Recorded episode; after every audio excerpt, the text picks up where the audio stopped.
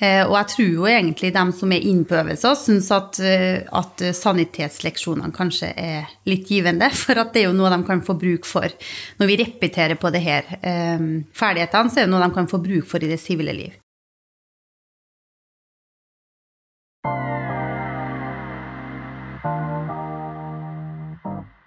Da lytter du til en Heimevern spesialepisode av Sunnhordlandpodden.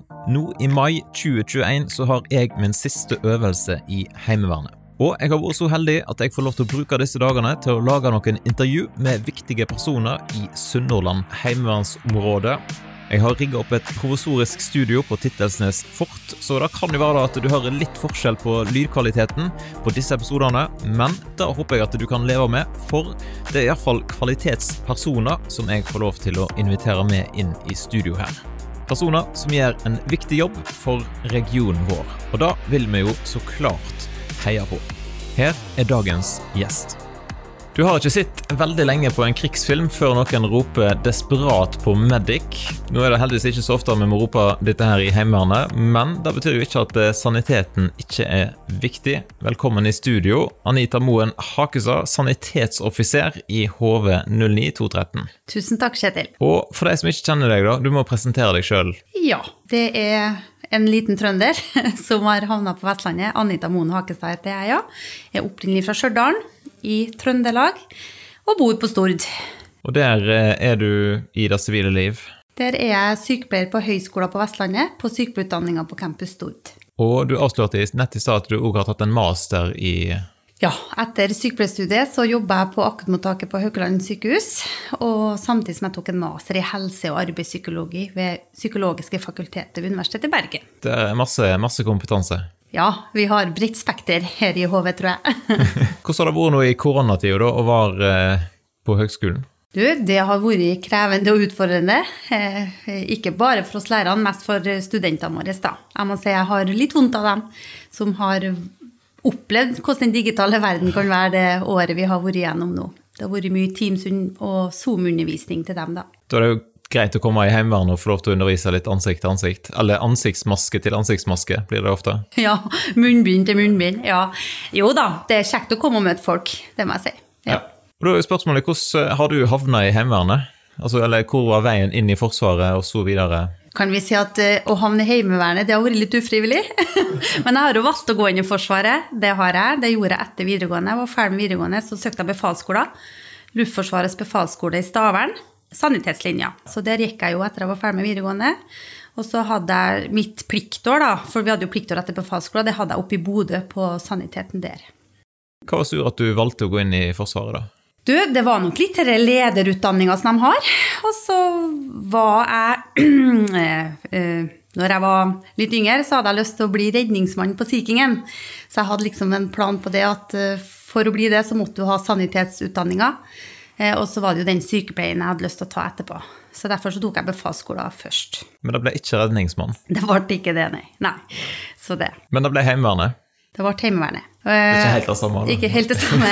Nei, jeg var jo ferdig studert i Bergen, ferdig med masteren. Og så Mannen min er jo fra Stord, så det ble jo vi endte opp på Stord. Og etter å ha bodd der i noen år, så kom det plutselig eh, et brev fra Heimevernet, der jeg var overført fra Luftforsvaret og til Heimevernet. Så da gikk du inn som sanitetsbefal? Ja, da var jeg oppsatt som sanitetsoffiser, ja. Som skulle liksom støtte saniteten under disse HV-øvelsene i Sunnhordlandsdistriktet, da. Hva innebærer det på en, en, sånn trening som vi er på nå? Det innebærer jo å støtte, egentlig, vi er jo en del av stabstroppen, å støtte um, ulike troppene som er ute og øver. Hvis det blir skader som oppstår, eller folk blir syke, det skjer jo når de er på øvelser òg, så skal de vies eller sjekkes av oss i saniteten før de eventuelt går videre til, til legevakta. Da.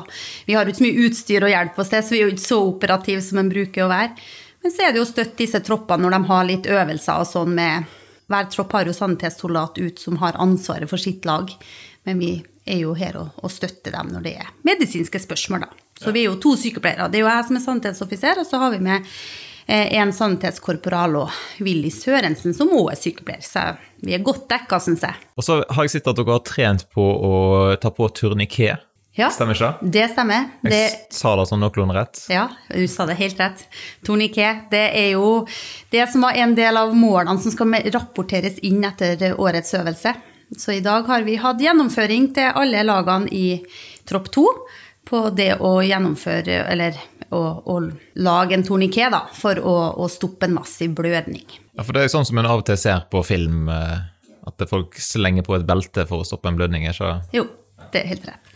Så den har jo vært ute nå i mange mange år, så nå er det bestemt at Heimevernet skal ta den inn som en drill, så det har de blitt sjekka ut på i dag, og skal sjekkes ut på i morgen. Men du har aldri hatt, har du satt på en turniké noen gang, sånn live? Nei. Ikke i real life. Nei. Det har jeg ikke gjort, og det er jeg glad for. For så vidt veldig greit. Ja. Hvis du ser bakpå da, ditt liv i Forsvaret, har du noen gode minner? Ja, jeg må jo si disse to årene på befalsskolen, da hadde vi jo ett skoleår og ett pliktår. Jeg lærte jo mye på det med lederskap, det må jeg si.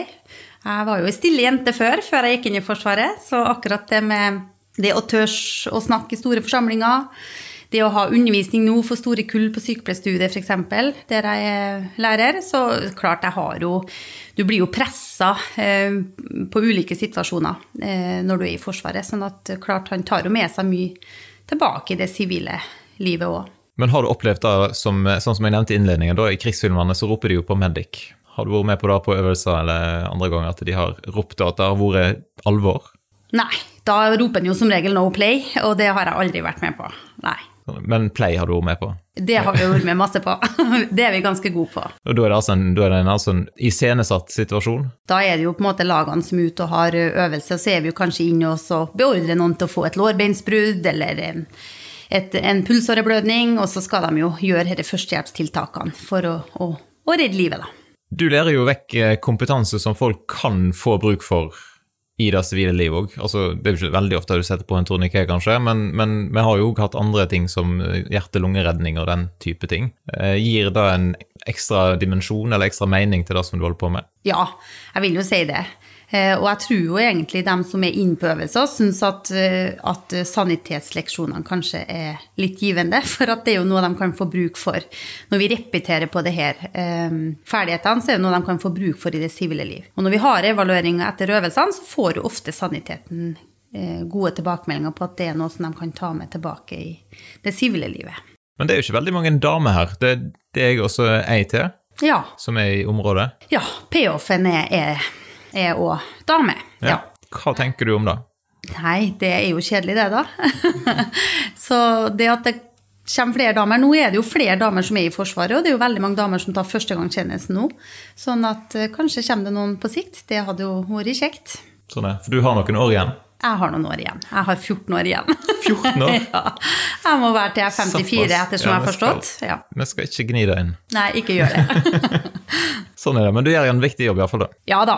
Når vi først er, så er det jo kjekt. Og jeg driver jo litt med det til vanlig, og sant, sånn at det med førstehjelp er jo noe som jeg er godt kjent med. Så det er jo kjekt når en først kommer hit. Hva var ditt beste tips, da, hvis det er noen som opplever det samme som deg og får et brev i posten fra Heimevernet? Ja, Da er det å ta det med et smil, tror jeg. For jeg brukte jo litt tid på det her i første årene og syntes det var Som småbarnsmor og sånn, så var det ikke akkurat det å kle seg grønt når jeg hadde valgt å gå ut av Forsvaret. Men eh, når en en gang har tatt befalsskolen, så på en måte forstår jeg jo at man er pliktig til å møte opp på disse øvelsene.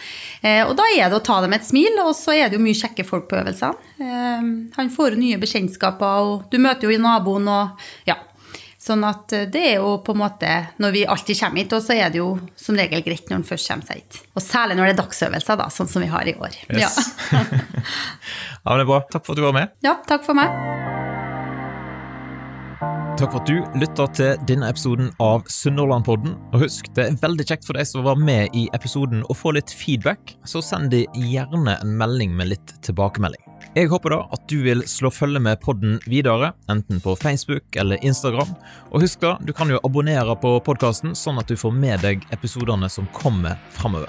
Da ønsker jeg deg en fin dag, og så poddes vi plutselig igjen.